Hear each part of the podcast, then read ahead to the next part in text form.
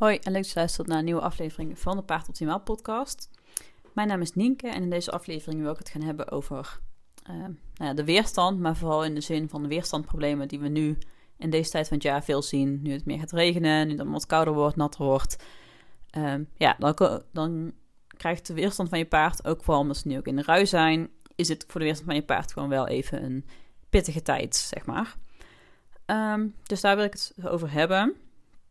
Want um, ik denk dat mensen op zich wel bezig zijn met de weerstand van hun paard. Dat als ze, want bijvoorbeeld de specifieke problemen waar ik het dan over heb, uh, zijn nu dingen als mok of rokst, zijn nu dingen als mok of rotstraal.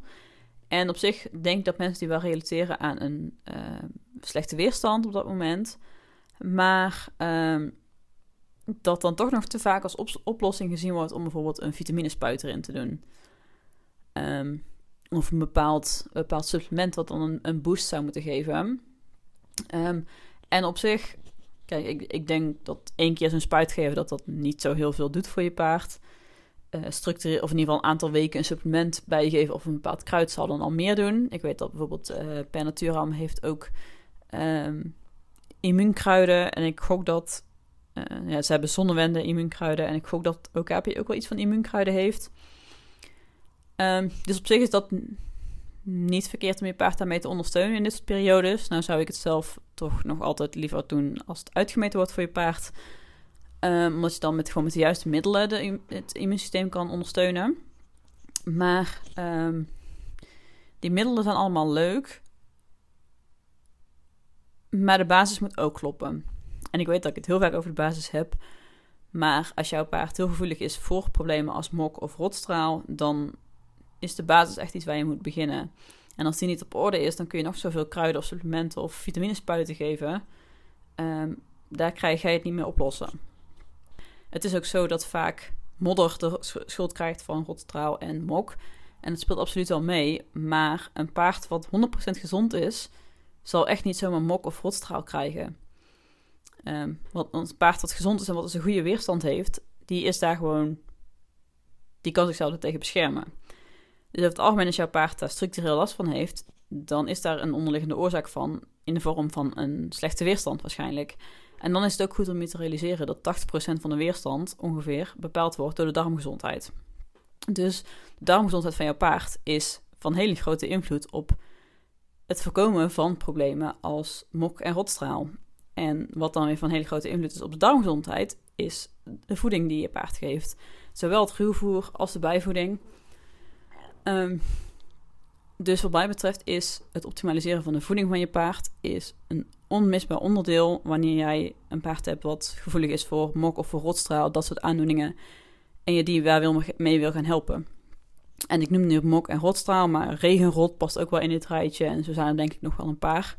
Dus omdat de darmen 80% van de weerstand bepalen, is dat dus echt een hele belangrijke start om in ieder geval die 80% op orde te gaan krijgen. Om je paard gezond te gaan voeren en als je paard slechte darmgezondheid heeft, dan is dat niet binnen een paar weken opgelost. Het kan echt wel maanden tot zelfs jaren duren, afhankelijk van hoe ernstig het is en hoe lang het al op heeft kunnen stapelen. Maar in zo'n situatie moet je gewoon de voeding van je paard onder de loep gaan nemen. Dat, kun je, dat is niet iets wat je daarin weg kunt laten. Het is, uh, zo'n vitaminespuit is geen quick fix om het allemaal op te lossen. Als je dan vervolgens niks verandert aan de andere omstandigheden. Dus voeding is daarin sowieso een superbelangrijk onderdeel. Wat denk ik ook nog vaak wel onderbelicht is. En ook als jouw paard bijvoorbeeld voordroog krijgt en daar niet goed op reageert, dan ja, is de kans ook vrij groot dat dingen als mok of uh, rotstraal of regenrot dus vrij makkelijk terug kunnen blijven komen. En je hebt dus ook paarden die, uh, nou ja, sowieso mok zijn natuurlijk verschillende aandoeningen. Volgens mij, volgens mij worden gewoon een beetje alle huidaandoeningen aan het onderbeen worden volgens mij onder mok geschaard. Je hebt ook een spat, dat zit wel hoger volgens mij. Is dat spat? Ben ik nu in de war met iets? Nee, rasp, sorry. ik bedoel rasp. Spat is iets anders. Um, dat noemen ze dus rasp. Maar uh, ja, mok is dus een soort van verzamelnaam voor de, voor de huidaandoeningen aan het onderbeen. En um, sowieso is, kan zoiets als mok kan ook een manier zijn om afvalstoffen uit te scheiden via de huid, wanneer aan de andere uh, uitscheidingsorganen niet goed toe in staat zijn. Dus ook in die zin is het belangrijk om je paard gezond te voeren. En um, je hebt verschillende soorten uh, mok ook, namelijk droge en natte mok. En, want veel mensen denken bij mok meteen aan ehm, modder, maar dat hoeft het helemaal niet. Ehm, je paard kan ook om andere redenen mok, mok krijgen. En dan is het dus ook gewoon een weerstandsprobleem. Idealiter staat je paard natuurlijk niet de hele dag in de modder. Dat is geen ideaal scenario. Ehm, maar een gezond paard zou dan nog steeds niet per se mok moeten ontwikkelen. Dus als je paard dat wel doet, dan is er kans dat er meer speelt. Nou is die kans vrij groot. Uh, ik zie nu bijvoorbeeld ook bij mijn eigen paard. Die is qua darmgezondheid is die op orde. Maar zoals ik al zei, is natuurlijk darm darmgezondheid is 80% van de weerstand. Maar er is nog steeds een overige 20%. En die 20% wordt onder andere beïnvloed door een verhuizing, zoals wij die net, net door hebben gemaakt. En ik merk nu dus wel dat zijn weerstand daar ook wel even een klap van heeft gekregen. Dat had ik ook wel verwacht. Dus ik ga hem daar eh, ook nog wel extra op ondersteunen in zijn immuunsysteem.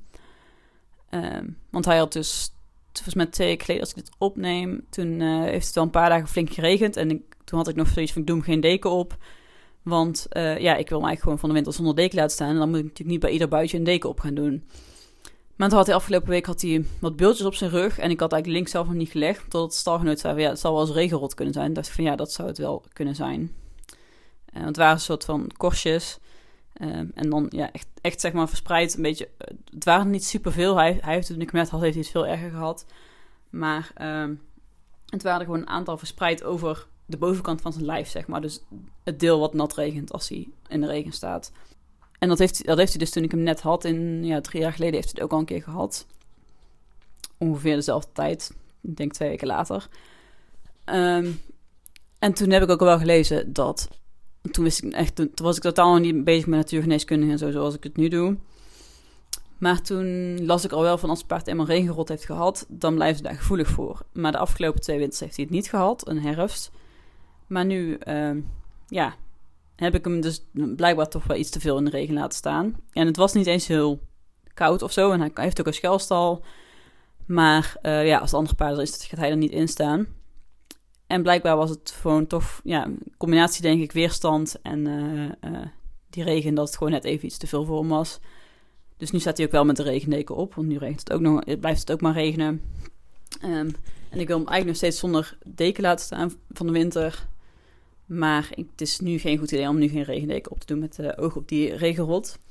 Dus die heeft hij nu wel gewoon op en dan uh, zien we wel. Desnoods krijgt hij deze winter nog gewoon een deken op en dan hoop ik dat volgend jaar kan soms uh, ja, moet je toch ook even aanpassen aan de omstandigheden. Misschien dat ik ook nog een podcast over dekens ga doen.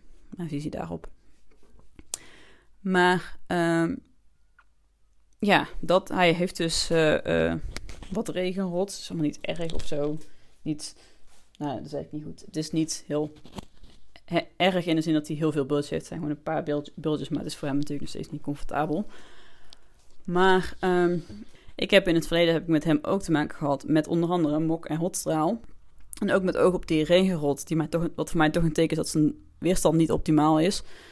Uh, is dat voor mij wel iets wat ik in de gaten hou. Dus ik heb gisteren ook uh, zijn voetjes even goed schoongemaakt. Met dat heb ik met water gedaan. Um, daarna wel goed afgedroogd. Want hij staat. Uh, nou, hij, ze kunnen bij ons echt wel droog staan. Maar uh, ja, voor sommige plekken moet, waar ze doorheen moeten gelopen, daar, daar is gewoon modder. Dus ze kunnen hun voeten niet helemaal droog houden. En vorig jaar heeft hij ook mok gehad, maar toen had ik het eigenlijk gewoon wat te laat door. Toen is het voor mijn gevoel vrij snel vrij erg geworden. Als in het zat gewoon op best wel veel plekken. Dus ik ben er nu heel alert op, om dat gewoon meteen de kop in te kunnen drukken als ik het zie. Dus ik controleer echt iedere dag coatholders nu. Um, en ik heb ook de middelen klaar liggen om, om het te behandelen, mocht het nodig zijn. Maar wat, mij, wat ik daarin eerder dus gemerkt heb, is dat dan gewoon... Er zat heel veel modder op en dat liet ik dan maar zitten. En dan onder die modder kwam dan een soort mok tevoorschijn... die dan eigenlijk pas opmerkte als je het echt voelde. Dus ik heb gisteren heel zijn voeten nog gewoon echt met water goed schoongemaakt... en natuurlijk ook afgedroogd. Want je wil natuurlijk ook wel dan zo droog mogelijk houden. En ik wil morgen of overmorgen wil ik uh, zijn hoeven ook nog even uh, bijwerken, bekappen... en dan uh, kijken hoe, hoe het daarmee mee voor staat... Maar Rotstraal heeft hij volgens mij vorige winter al niet meer gehad. Heeft hij alleen de eerste twee winters bij mij gehad. Nee, hij heeft de eerste winter, weet ik niet of hij het gehad had. En toen werd hij nog traditioneel bekapt en toen is er nooit iets van gezegd. En de tweede keer, tweede winter dat hij bij mij was, toen heeft, uh, zijn natuurlijk kappen wel duurrotstaal. Dus ik weet gewoon niet zeker of hij het eerste winter ook had. Maar vorige winter niet. Dat wil ik nu ook graag zo houden. En ja, dat ik, in ieder geval, ik zie daarin wel echt terug dat het dus om die 20% van de weerstand gaat hij niet in de darmen bepaald worden. Want zijn darmen zijn goed. Kijk, hij is natuurlijk verhuisd. Hij krijgt nu ander ruwvoer. Dat heeft natuurlijk wel even invloed. Ehm, het regent, dus het hooi regent nat. Hij krijgt ander gras nog een uurtje per dag. Dus natuurlijk is het voor de darmen... Darmen hebben ook echt wel even iets te verwerken. De darmen krijgen ook echt wel even wat veranderingen voor hun kiezen. Maar ik vertrouw wel dat zijn, darm, dat zijn darmgezondheid inmiddels dusdanig goed is dat hij dat wel kan hebben. Maar um, ja, je ziet dus toch gewoon die, die overige 20%, die verhuizing, ja, dat merk ik nu gewoon wel bij hem. En dat uh, is ook iets om rekening mee te houden. Dus het kan een verhuizing zijn, je paard kan ook ziek zijn geweest. Er kunnen meerdere dingen zijn waardoor de weerstand gewoon even niet zo goed is. Ook als je paard wel een goede darmgezondheid heeft. Want daarom bepaalt de darmgezondheid niet voor 100% de weerstand van je paard. Er zit nog steeds een, een marge in waarin andere dingen meespelen. Ik ga verder niet uitleggen hoe je dit nou allemaal op kan lossen, want ik denk dat het heel erg paardgebonden is. Heel erg verschilt per paard. En mocht je nou willen dat ik je daarmee kan helpen, dan zou ik zeker gewoon even een voedingsadvies aanvragen. Dan kunnen we kijken welke kruiden en met de juiste voeding we jouw paard zo goed mogelijk kunnen ondersteunen. Om uh, nou ja, problemen als mok of rotstraal de kop in te drukken. Um, en wat ik daar ook nog wel even over wil zeggen, is dat dingen als mok en rotstraal, uh, die kunnen gewoon echt wel behoorlijk pijnlijk zijn voor je paard. Dus dat zijn niet dingen die je moet zien als iets van, oh, mijn paard zit in de modder, dat hoort erbij. Um, daar wil je wel echt iets aan doen. Want het is gewoon echt niet comfortabel voor je paard.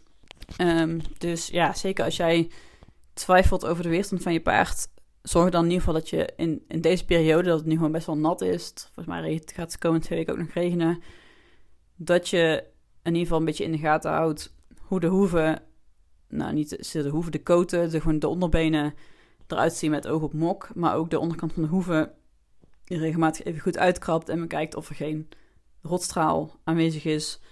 Um, rotstraal zie je ook in verschillende vormen.